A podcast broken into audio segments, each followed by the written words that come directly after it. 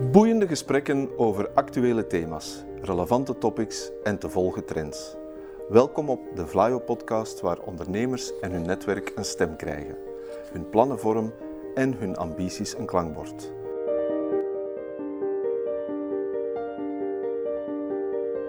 To the point waar het kan, dieper gravend waar het moet. Inspirerend, informerend, ondersteunend. Van artificial intelligence, blockchain en circulaire economie tot digitale zorg. Wij knopen het in jouw oren. Mijn grootmoeder Zaliger zei altijd: à la guerre comme à la guerre. En in deze corona-oorlog betekent dat dat we niet in onze gezellige studio in Leuven vertoeven, maar dat ik thuis zit, dat mijn gast Dominique de Geest ergens in West-Vlaanderen achter de computer zit en dat deze sessie vanuit Kivit bij Hasselt geregisseerd wordt. Dag Dominique. Dag Werner. Dominique, misschien moet je je even kort voorstellen aan onze luisteraars. Wie ben je en wat doe je precies? Ja, zeker Werner. Uh, ik ben bedrijfsadviseur bij uh, Vlaio Team Bedrijfstrajecten. Dat betekent dat ik bedrijven begeleid rond innovatie en transformatie. Dat kunnen alle soorten bedrijven zijn, van klein naar groot en ook over allerhande sectoren. Als, als achtergrond uh, ben ik landbouwwerktuigkundige ingenieur en ben ik exportmanager geweest bij een aantal KMO's in, in de machinebouw, in de landbouwmachines. Zoals ik zei, ja, werk ik vrij breed bij de bedrijven, allerhande sectoren, ook ICT, maar dat is voor mij wel wat moeilijk, maar, maar dat lukt wel. Maar ook doe ik heel graag uh, maatschappelijke projecten. Uh, en ook wat okay. alle instrumenten die Vlaio aanbiedt, uh, volg ik wel. En ik ben ook lid van het team financieel, dus het bedrijfseconomische is ook wel iets wat ik heel sterk opvolg en ook wat meegeef aan mijn collega's. Wist je dat Vlaio bedrijfsadviseurs klaarstaan om jou als ondernemer te ondersteunen en te adviseren? Heb jij innovatieve plannen, ambities om te groeien of je bedrijf te transformeren? Dan helpen wij die graag waarmaken. We helpen je gratis om je plannen helder en scherp te krijgen, verwijzen je door naar de juiste partners en kijken naar financierings- en subsidiemogelijkheden. Neem contact met ons op via www.vlaio.be of mail naar info.vlaio.be.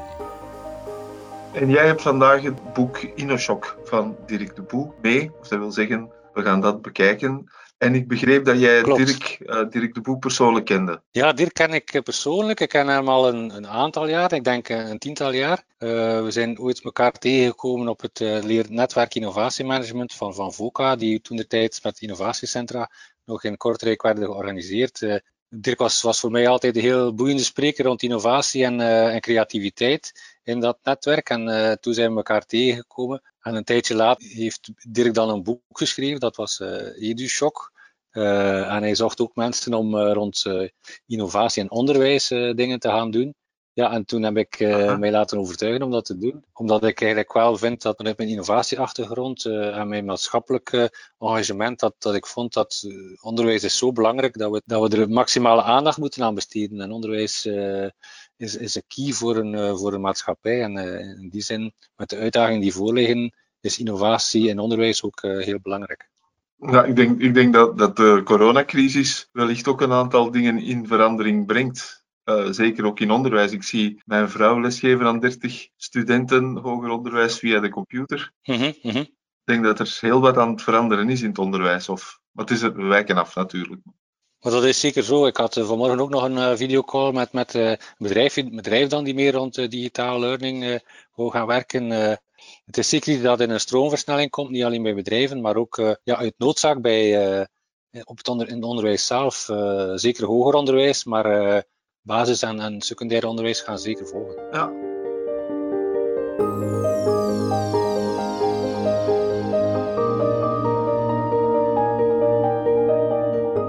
Over het boek zelf nu, Dominique. Mm -hmm. InnoShock heet het. wat is het opzet? Wat is het, de doelstelling van, van Dirk? Ja, maar misschien nog kort iets vertellen over EduShock en EduNext. Uh, EduShock okay. was eigenlijk een, ja, een inspirerend boek voor, uh, voor het onderwijs, uh, die toch wel inspirerend, ook een stukje uitdagend was in vraag stellen van het huidige onderwijs, of het huidige onderwijssysteem zou ik zeggen. Eigenlijk gebeurt onderwijs nog altijd zoals, een beetje zoals in de 19e eeuw. Ik denk, ik woon hier in Roeselaar, ik, uh, Rodenbach is hier naar, naar het klein seminarie geweest. Wel, ik denk dat, dat, dat het lesgeven in 1860 nog altijd zeer sterk lijkt op, de, op het lesgeven vandaag. Er zijn natuurlijk uh, heel wat initiatieven om dat te gaan veranderen. Maar toch, als je kijkt naar de klas, de klassikale lessen, dan, uh, dan lijkt dat nog heel sterk op de 19e eeuwse toestanden. En dit is niet echt meer aangepast aan, het, uh, aan de huidige tijd. En dan Edunext was het boek van Dirk Piesvik naar onderwijs voor transformatie in onderwijs. Hoe kunnen we dat onderwijs transformeren? En vandaar ook dat, um, dat transformatierad die daar dan is naar voren gebracht, die dan ook in het boek InnoShock naar de bedrijven uh, is uitgewerkt voor uh, transformeren voor bedrijven dan. Dat is een beetje de link tussen de drie boeken. Ja, oké. Okay. En InnoShock is dan meer voor ondernemingen, of specifiek voor ondernemingen? Inderdaad, is eigenlijk de vertaalslag van de transformatierad aanpak naar ondernemingen. Dat klopt, ja. Zeker. Dan moeten we het misschien even over dat transformatierad hebben, want wat is dat uh, voor iets? De transformatierad bestaat eigenlijk uit een aantal componenten en die componenten hebben ook invloed op elkaar. Ik ga ze even overlopen. Uh, dat geldt zowel voor, voor onderwijs als voor het bedrijfsleven. Je hebt enerzijds de werkinhoud. Wat doen werknemers of wat doen leerlingen? Dus de, echt het inhoudelijke van uh, waar ze mee bezig zijn. Dan het tweede, de werkvorm. Op welke manier wordt er inderdaad uh, kennis overgebracht? Op, op welke manier uh, voert een werknemer het werk uit? Een derde is dan de evaluatie. Hoe kunnen werknemers het werk bijsturen en ervan leren? Gebeurt dat top-down of gebeurt dat eerder door de werknemers zelf? Maar dat is ook in onderwijs zo. Dus hoe geven we feedback en hoe leren we uit, uit onze eigen fouten? Mogen we ook fouten maken? Dat is een element daarbij. Dan een vierde, de werktijd. Ja, in, in, school is dat natuurlijk heel duidelijk. Hè. Dat zijn uh, zeker in secundair onderwijs uh, lestijden van 15 minuten uh, onderbroken door ja. de bel. Ook in, in een bedrijf werken we van 8 tot 5 of van 9 tot 5 of met, met vaste tijden. Maar we zien ook dat die werktijd heel wat flexibeler wordt bij een aantal bedrijven, zeker bij dienstenbedrijven, waar je ook ja, later kunt beginnen en later stoppen en waar je ook onder, onder, tijdens de dag uh, een aantal dingen kan doen, waar ook s'avonds ja. mee wordt gewerkt enzovoort. Dus dat wordt een stuk flexibeler in, in de toekomst. Dan het werkmateriaal, waar meewerkende werknemers. Dan het netwerk, het werknetwerk. Met wie werkende werknemers kunnen ze inderdaad uh, ook naar, naar buiten komen, kunnen ze in contact komen met, met andere bedrijven, met andere sectoren. is dat netwerk heel dynamisch, is dat heel ruim?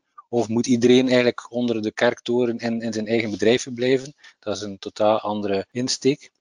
En dan de zevende uh, as is dan de werkomgeving. Waar werken de werknemers? Wel, ik denk dat dat vandaag heel, uh, heel duidelijk is. dat, ja, dat, we, dat, we, allemaal uh, op een andere plaats werken dan, dan gewoonlijk. Maar dat, ja. lukt ook. Ook de, het blenden, een keer thuis, een keer op, op, op het bedrijf, uh, dat dat zeker in de toekomst uh, gaat toenemen. Hè. En dan de laatste as is eigenlijk de werkorganisatie. Hoe organiseren de werknemers het werk? Wordt het eigenlijk ook van bovenaf, top-down, gezegd wat dat je moet doen? Of heb je daar ook een zekere vrijheid en autonomie om met je collega's een aantal dingen te gaan, te gaan opzetten? Dat is eigenlijk ook de toekomst. Hè. Dus dat hiërarchische model die toch een stukje van zijn waarde verliest en meer autonome cellen die, die met elkaar gaan overleggen om dingen in gang te zetten. Het is eigenlijk de wisselwerking tussen die acht assen, waar je eigenlijk als, als bedrijf of als school ook uh, moet gaan kijken van op welke assen willen we nu specifiek projecten gaan opzetten. En, ook de, de assen hebben ook invloed op, elkaar. Hè. Als je een bepaalde uh, werkvorm naar voren brengt, dan heeft dat misschien ook wel invloed op de werktijd of op de werkomgeving. Dus dat, is, dat hangt een stukje naar elkaar. Maar je kan niet alle assen tegelijkertijd gaan aanpakken, dat, dat lukt niet. Dat is te, te veel, dat, uh, dat is niet behapbaar.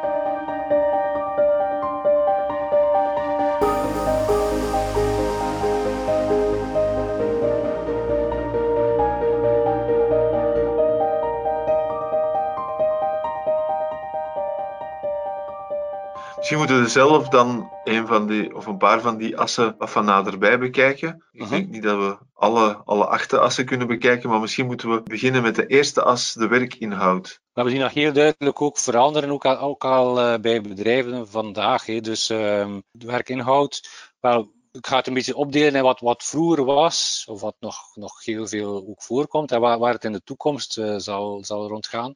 En vroeger had je heel veel functieomschrijvingen. Dus je had een bepaalde job en dan dat is wat je, wat je moet doen. Je krijgt een functie en daar, daar, ja, daar moet je ook aan houden. Daar kan je ook niet buiten de lijntjes kleuren. Dat was vroeger. Ja.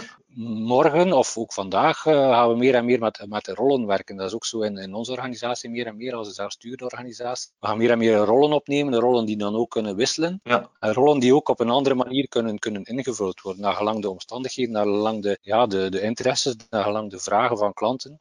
Dus wat, dat wordt veel, veel flexibeler. Dus vroeger was ook alles meer in vakjes. Je had iemand die engineering deed, iemand die verkoop deed, iemand die kwaliteit doet, iemand die R&D doet. Uh, terwijl we in de toekomst meer en meer vakoverschrijdend gaan werken, dan vakoverstijgend. Dus meer, meer en meer multidisciplinair. En ook alle, alle verschillende ja, diploma's en achtergronden die, die door elkaar lopen. Uh, vroeger werd je aangeworven op basis van een diploma. Nu ga je aangeworven, op aangeworven of in de toekomst op basis van wat je al gerealiseerd hebt in het, in het verleden, los van je diploma. Hè. Een diploma ja, competenties is, een en ervaring van, meer dan. Voilà. Ja, competenties, talenten en ervaringen zijn inderdaad uh, worden heel, heel belangrijk. Hè. En nog een laatste puntje misschien daarin, de, de vaste contracten. Dus ja, we hebben nog allemaal een, een vast contract, een contract van onbepaalde duur, dat is nog altijd zo. Maar uh, het, het, wordt, uh, het evolueert in de richting van ja, dat we meer en meer ook, ook zelfstandigen gaan worden. Ik zie ook heel, ook heel wat nieuwe bedrijven, kleine, ja, kleine IT-bedrijven, die, of zelfs geen IT, die, die, ja, waar allemaal zelfstandigen in, in een soort van coöperatieve uh, setting samenwerken, zonder dat ze eigenlijk nog met een, uh, met een werknemersovereenkomst uh, aan het bedrijf zijn gebonden. Of ook die, die voor verschillende bedrijven ook werken. Dus dat, dat ga je meer en meer zien, zien, zien verschijnen in de toekomst. En, en, zie jij dat zelf ook binnen, jou, binnen de klanten die jij op dit moment uh, begeleidt, adviseert? Merk je daar een shift in die richting? Ja, die is al bezig. We zien er meer en meer ook bij KMO's, dat zeker in, sleutelposities, dat, mensen ook als, als zelfstandige expert uh, worden, worden aangenomen voor een bepaalde periode. Uh, dat zie je bijvoorbeeld ook met de steunmaatregelen rond groeisubsidie enzovoort. Uh, dat dat iets is wat heel sterk voorkomt. Maar ook ja, een soort van, uh, ook in, alle, in allerlei functies, niet alleen in managementfuncties, maar, maar ook in allerlei functies, dat, dat iemand voor een jaar of voor, voor twee jaar R&D gaat doen of engineering in een bedrijf en die dan terug een volgende opdracht gaat doen. Ik kom dat meer en meer tegen, wat, wat tien jaar geleden helemaal niet zo was. zie dat nu toch al heel, heel regelmatig. We zien dat ook in onze ontwikkelingsprojecten daar moet je ook aanduiden van, zijn het mensen die factureren of mensen die in loondienst staan? En eh, heel vaak zijn dat inderdaad al mensen die, die gewoon aan het bedrijf factureren als zelfstandigen. Ja. Uh, eh, externen dan eigenlijk, maar die een tijdje dan intern worden voor hun bedrijf. Wat ik leuk vind aan het boek, is dat er tussen die verschillende hoofdstukken door, dat er allerhande methodes worden aangereikt om die, ver, mhm. die verandering die je wil plaats laten vinden in je organisatie om die te bewerkstelligen. Een aantal methodes worden aangereikt door de schrijver en één daarvan is de methode van de provocatie. Ja, dat is een heel interessante techniek, ook om creativiteit van medewerkers te gaan verhogen. Hè. Het, is, het is een werkvorm om eigenlijk nog beter je, je brein te gaan gebruiken en om nog, nog creatievere ideeën tot stand te laten komen. Het zit zo in elkaar dat je eigenlijk gaat zeggen van oké, stel dat we dat we minder, minder, zouden vergaderen, minder zouden moeten vergaderen. En we zeggen van kijk, ja, vanaf morgen wordt er niet meer vergaderd. Hè. Dus uh, dat we zeggen, ja, we stoppen daar gewoon mee. Dus dat is een stuk van provocatie. Dat, dat is natuurlijk moeilijk en dat kan niet zo onmiddellijk. Maar dan is de vraag van, waar brengt ons dat? Uh, stel dat we niet zouden vergaderen, waar, waar brengt ons dat? En dan, ja, dan gaat dat een aantal gevolgen hebben, uh, negatieve en positieve gevolgen. Positieve, we gaan meer tijd hebben, negatieve, we gaan minder communiceren. En op die manier komen we dan door een stapje terug te zetten komen we tot meer realistische uh, standpunten, die dan wel een stap vooruit zijn, maar waar we, een idee waar we niet toe gekomen zouden zijn als we niet naar die meer droomsituatie of naar die meer futuristische uh, situatie hadden, hadden, gedacht. En op die manier kan je eigenlijk wel uh, heel vernieuwende ideeën ontwikkelen, weg van de ongewenste situatie in, in de richting van waar je finaal naartoe, naartoe wil. Stel dat we ja, geen vergadering, als we zeggen we geen vergadering, ja, misschien hoeven we helemaal niet te vergaderen als we dat op een andere manier kunnen doen. Hè. Maar dat is misschien nog niet voor morgen, maar misschien wel voor, uh, voor overmorgen.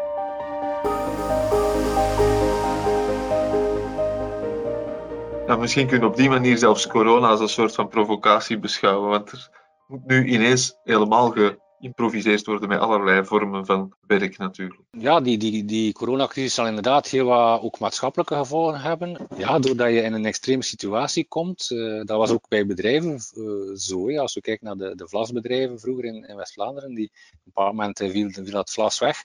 Ja, en toen moest er heel wat creativiteit aan de dag worden gelegd om, om nieuwe zaken te gaan doen. En daar zijn heel wat mooie bedrijven uit, uit voortgekomen ben er ook van overtuigd dat uh, deze crisis, ja, men zegt altijd never waste a good crisis. Het is natuurlijk een harde crisis en uh, het is heel confronterend, maar het brengt wel het beste in de mens naar boven en uh, het dwingt ons wel om dingen op, op een andere manier te doen. Ik denk alleen al het teleconferensen, je zou zeggen, ja, we zijn nu een week bezig, iedereen doet dat nu min of meer, denk ik. waarom deden we dat vroeger niet? Omdat we het echt, ja. omdat we niet toe verplicht werden. Waar. Oké, okay, eventjes verder naar het boek terug. Op, in hoofdstuk 4 Daar behandelt Dirk onze manier van kijken, de evaluatie. Je hebt het er straks al even op gezet. Mhm. En daar zegt hij, daar kan ook nog wel wat veranderen en verbeteren. Ja, de kunst van observa het observatievermogen is inderdaad ook een belangrijk eh, element in, in innovatie. Het gaat niet alleen over het genereren van creatieve ideeën, maar, maar ook van het observeren van hoe onze klanten ons product en onze service gebruiken. Die, die customer journey map bijvoorbeeld, dat wordt nog iets te weinig gebruikt. Dus dat is wel belangrijk als je met een nieuw idee of een nieuwe proces of een nieuwe dienst komt, dat je, die, ja, dat je daar zo'n oefening doet. Hoe, hoe gaat de klant ermee om?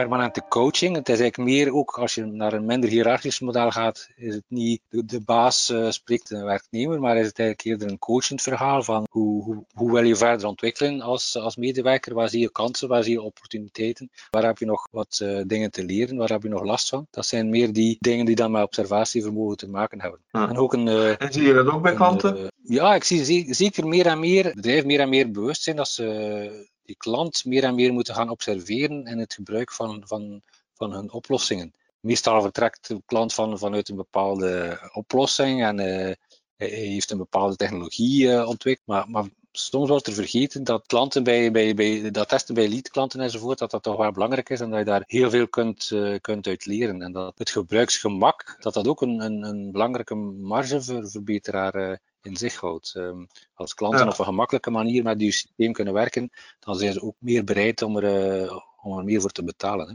Misschien even overgaan naar hoofdstuk 6, want ik denk dat onze luisteraars dat ook wel boeiend zullen vinden, want daar heeft hij het over creativiteitstools. Hij haalt een aantal tools aan om onze creativiteit, of die van de, onze medewerkers, onze werknemers, te stimuleren. Daar zien we ook meer en meer dat we overgaan van, van meer logisch denken naar logisch en creatief denken. Je, je ziet dat ontwikkelaars of R&D-mensen heel dikwijls uh, uiteraard ook ingenieus zijn die dan heel logisch denken. Dat, dat is ook goed. Maar het is belangrijk dat die logica samengaat met de uitgebreide vorm van creativiteit.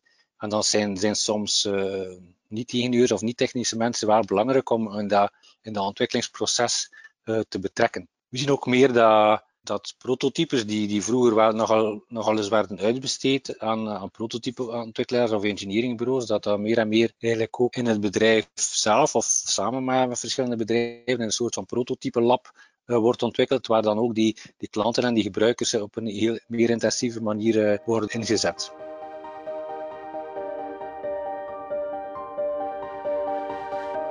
Sociale media spelen daar ook toch wel een heel belangrijke rol in in de communicatie, waarbij dat we vaststellen dat eigenlijk vroeger, of tot nog, toe, zeker ook in kleinere bedrijven of in KMO's, dat er een soort van sociale media restrictie is. Dus dat, Ja. dat eigenlijk de, de, ja, het bedrijf wil dat je, dat je niet op sociale media zit tijdens, de Mhm. werkuren. Maar dat meer en meer uh, bedrijven ook wel inzien dat ze een sociale media strategie nodig hebben en dat die ook wel versterkend kan werken in, uh, in de communicatie tussen de medewerkers. Dat ze een soort van Facebook-achtige dingen toelaten, ook tijdens de werkuren, om die verbinding tussen, uh, tussen de werknemers te gaan verstevigen.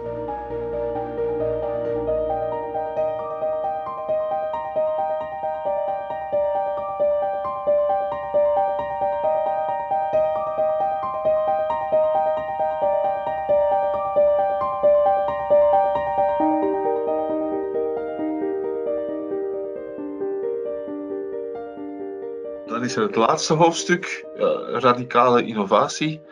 En daar valt toch wel op het belang dat er gehecht wordt en dat ook jij persoonlijk hecht aan, businessmodel innovatie. Dat wordt toch uh, in de kijker geplaatst. Maar het is zo dat we in het verleden vooral naar, naar incrementele innovaties, rond incrementele innovaties werkten. En dat, was ook goed. Hè. Je hebt een bepaalde technologie en je gaat daar iedere keer stapjes uh, aan toevoegen. En op zich was dat wel een goede manier om aan innovatie te doen. Nu zien we meer en meer die, die disruptieve innovatie. En dat wordt eigenlijk vooral door aangezwengeld door die, die nieuwe technologieën, vooral nieuwe digitale technologieën, zoals uh, VR, XR, uh, Artificial Intelligence, IoT, data. Dus als je als bedrijf die trend gaat volgen van, van die, echt die nieuwe technologieën, dan, dan zit je automatisch eigenlijk in een, in een nieuw businessmodel, waar je een nieuwe waardepropositie uh, gaat voorstellen aan je klanten, waar je heel, heel wat meer service, services gaat bieden aan, aan klanten, waar je ja, met licentiemodellen moet gaan werken, waar meer software gedreven zijn. Dus je zit onmiddellijk in een, in een andere businessmodel met die, die, nieuwe technologieën. Ik denk bijvoorbeeld ook aan meer radicale innovatie door het samenbrengen van totaal verschillende sectoren. Ik denk bijvoorbeeld, we hadden het in het begin van de podcast al over IT en, en opleiding. Maar vroeger waren dat twee totaal verschillende sectoren. Nu zien we dat vermengen. Hè. IT wordt meer en meer gebruikt in opleiding. Uh, ik denk bijvoorbeeld ook aan het samenbrengen van, van de voedingssector en de mechatronica sector. Als je die twee sectoren samenbrengt, die eigenlijk op het eerste zicht niet zo heel veel met elkaar te maken hebben, dan krijg je heel uh, snel die radicale innovaties. En uh, dus daar ja dat we met die nieuwe businessmodellen uh, naartoe moeten. Ja, ik denk dat dat sowieso de nieuwe mindset is van veel meer samenwerking, dat je dingen niet meer alleen kan doen. Ja, ook die samenwerking tussen verschillende disciplines. Hè. Uh, ja. Ik denk bijvoorbeeld een ingenieur en een antropoloog bijvoorbeeld, die, die samen dingen gaan doen. Hij zegt, ja, wat, heeft dat nu met elkaar te maken? Maar toch, dat, geeft, ja. dat soort samenwerkingen geeft altijd vonken eigenlijk. Hè, omdat het twee denkwerelden zijn die toch min of meer gescheiden zijn. Ja. En als je die samenbrengt, die, die altijd tot uh, nieuwe ideeën en nieuwe inzichten en nieuwe denkkaders uh, kan leiden. Heel boeiend. Ja, ja gewoon even nog terug naar het totaal van het boek. Wat heb je dan geapprecieerd en, en, en wie moet het volgens jou zeker lezen? Het is vooral een nieuwe manier van kijken, een nieuwe manier van denken, een nieuwe manier van handelen. Uh, wie zou het moeten lezen? Wel, ik heb het eigenlijk uh, als, als cadeau gegeven aan mijn... Ik heb, ik heb twee kinderen, een zoon en een dochter. En ik heb het eigenlijk aan hen gegeven. Uh, ik heb het voor hen gekocht. Omdat ik toch wel vond dat ze... Ze zijn ingenieur van opleiding, maar dat ze toch ook wel zien hoe innovatie in de toekomst gaat, uh, gaat evolueren.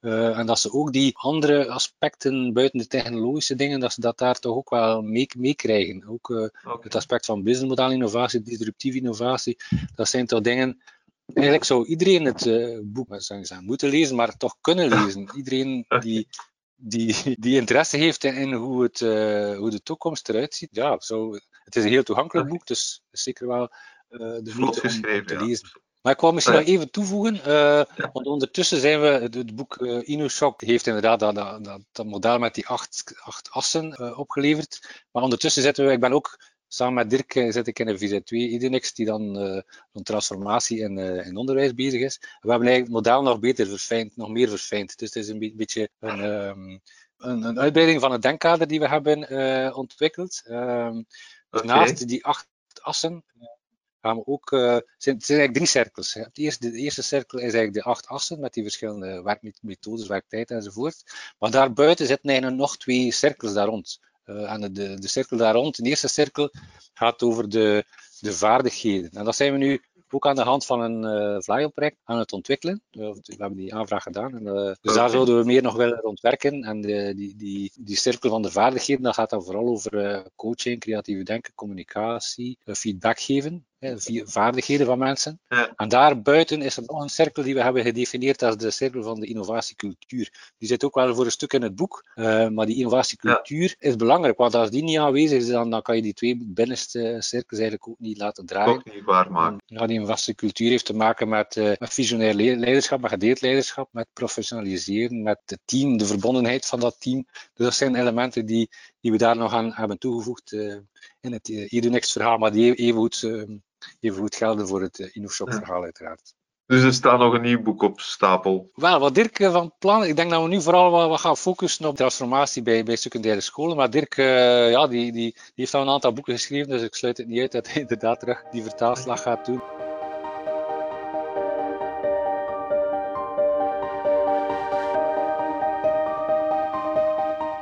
Ik eindig mijn podcast altijd met dezelfde vraag aan mijn sprekers ga ik deze keer ook doen. Zij het niet vanuit onze studio. En mhm. dus de vraag is: welk soort ondernemer zou jij zijn, Dominique? Wat voor onderneming zou jij graag willen leiden, mocht je geen bedrijfsadviseur zijn? Nou, je weet of je weet niet, ik was vroeger eh, exportverantwoordelijke in, in bedrijven. Dus ik heb toen heel veel gereisd, heb heel veel ook andere culturen en, en een meer technisch-commerciële context uh, leren ontdekken mocht ik echt uh, zelf ondernemer uh, zijn. En ik ben even ook ondernemer geweest voor ik naar het innovatiecentrum kwam. Dan zou ik een eenmansbedrijfje hebben, denk ik. Ook een stuk uh, in die export consultancy. Maar ik ben, ja, ik ben eerder een, een, een, ja, een coach dan een leider, denk ik. Uh, ik ben ja. niet echt een leider op de klassieke manier, op de hiërarchische manier. Dus ik zou niet direct een, een bedrijf kunnen leiden, een, een een wat grotere KMO, dat is ook niet waar mijn sterkte ligt eigenlijk. Uh, ik ben eerder analytisch van aard, ondersteunend, coachend. Ik ben geen, geen CEO-type, zou ik zeggen. dus ja. in die zin zou ik eerder een eenmansbedrijf hebben die ik dan wel probeer op, op een goede manier te runnen, denk ik. Maar aangezien dat de rol van CEO ook systematisch aan het veranderen is, zoals we in het boek gelezen hebben, zou je toch misschien nog de toekomstige CEO kunnen. Ja, wie weet, ja. Die dat soort capaciteiten toch meer moet hebben. Oké, bedankt alleszins voor jouw uh, input en bijdrage, Dominique. En tot heel binnenkort. Hopelijk zien we elkaar dan nog eens aan de lijn. Oké, okay, dankjewel, uh, Werner en Evelien.